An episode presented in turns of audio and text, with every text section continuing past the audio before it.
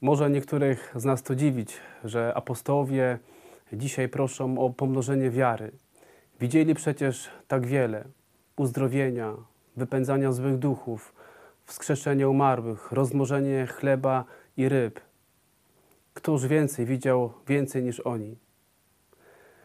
Jednak proszą o wiarę, proszą Chrystusa o wiarę, słysząc, jak parę wersetów wyżej, jak czytamy w Ewangelii, Jezus mówi o przebaczeniu, że mamy wybaczać 77 razy, czyli zawsze, zawsze, kiedy doznajemy jakiejś urazy.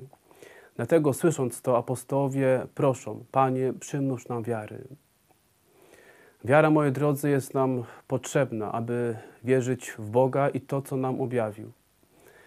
Wierzyć w to, co nam mówi przez Kościół Święty i to, to co podaje nam do nauczania. Ewangelia dzisiaj nas zachęca, abyśmy prosili my również o pomnożenie wiary. Jest to cnota, która dana nam jest z góry. Pomaga nam patrzeć na rzeczywistość, która nas otacza oczami wiary, na sytuacje, które nas spotykają, te trudne, które dzieją się na świecie. Patrzeć na to z perspektywy wiary, oczami wiary.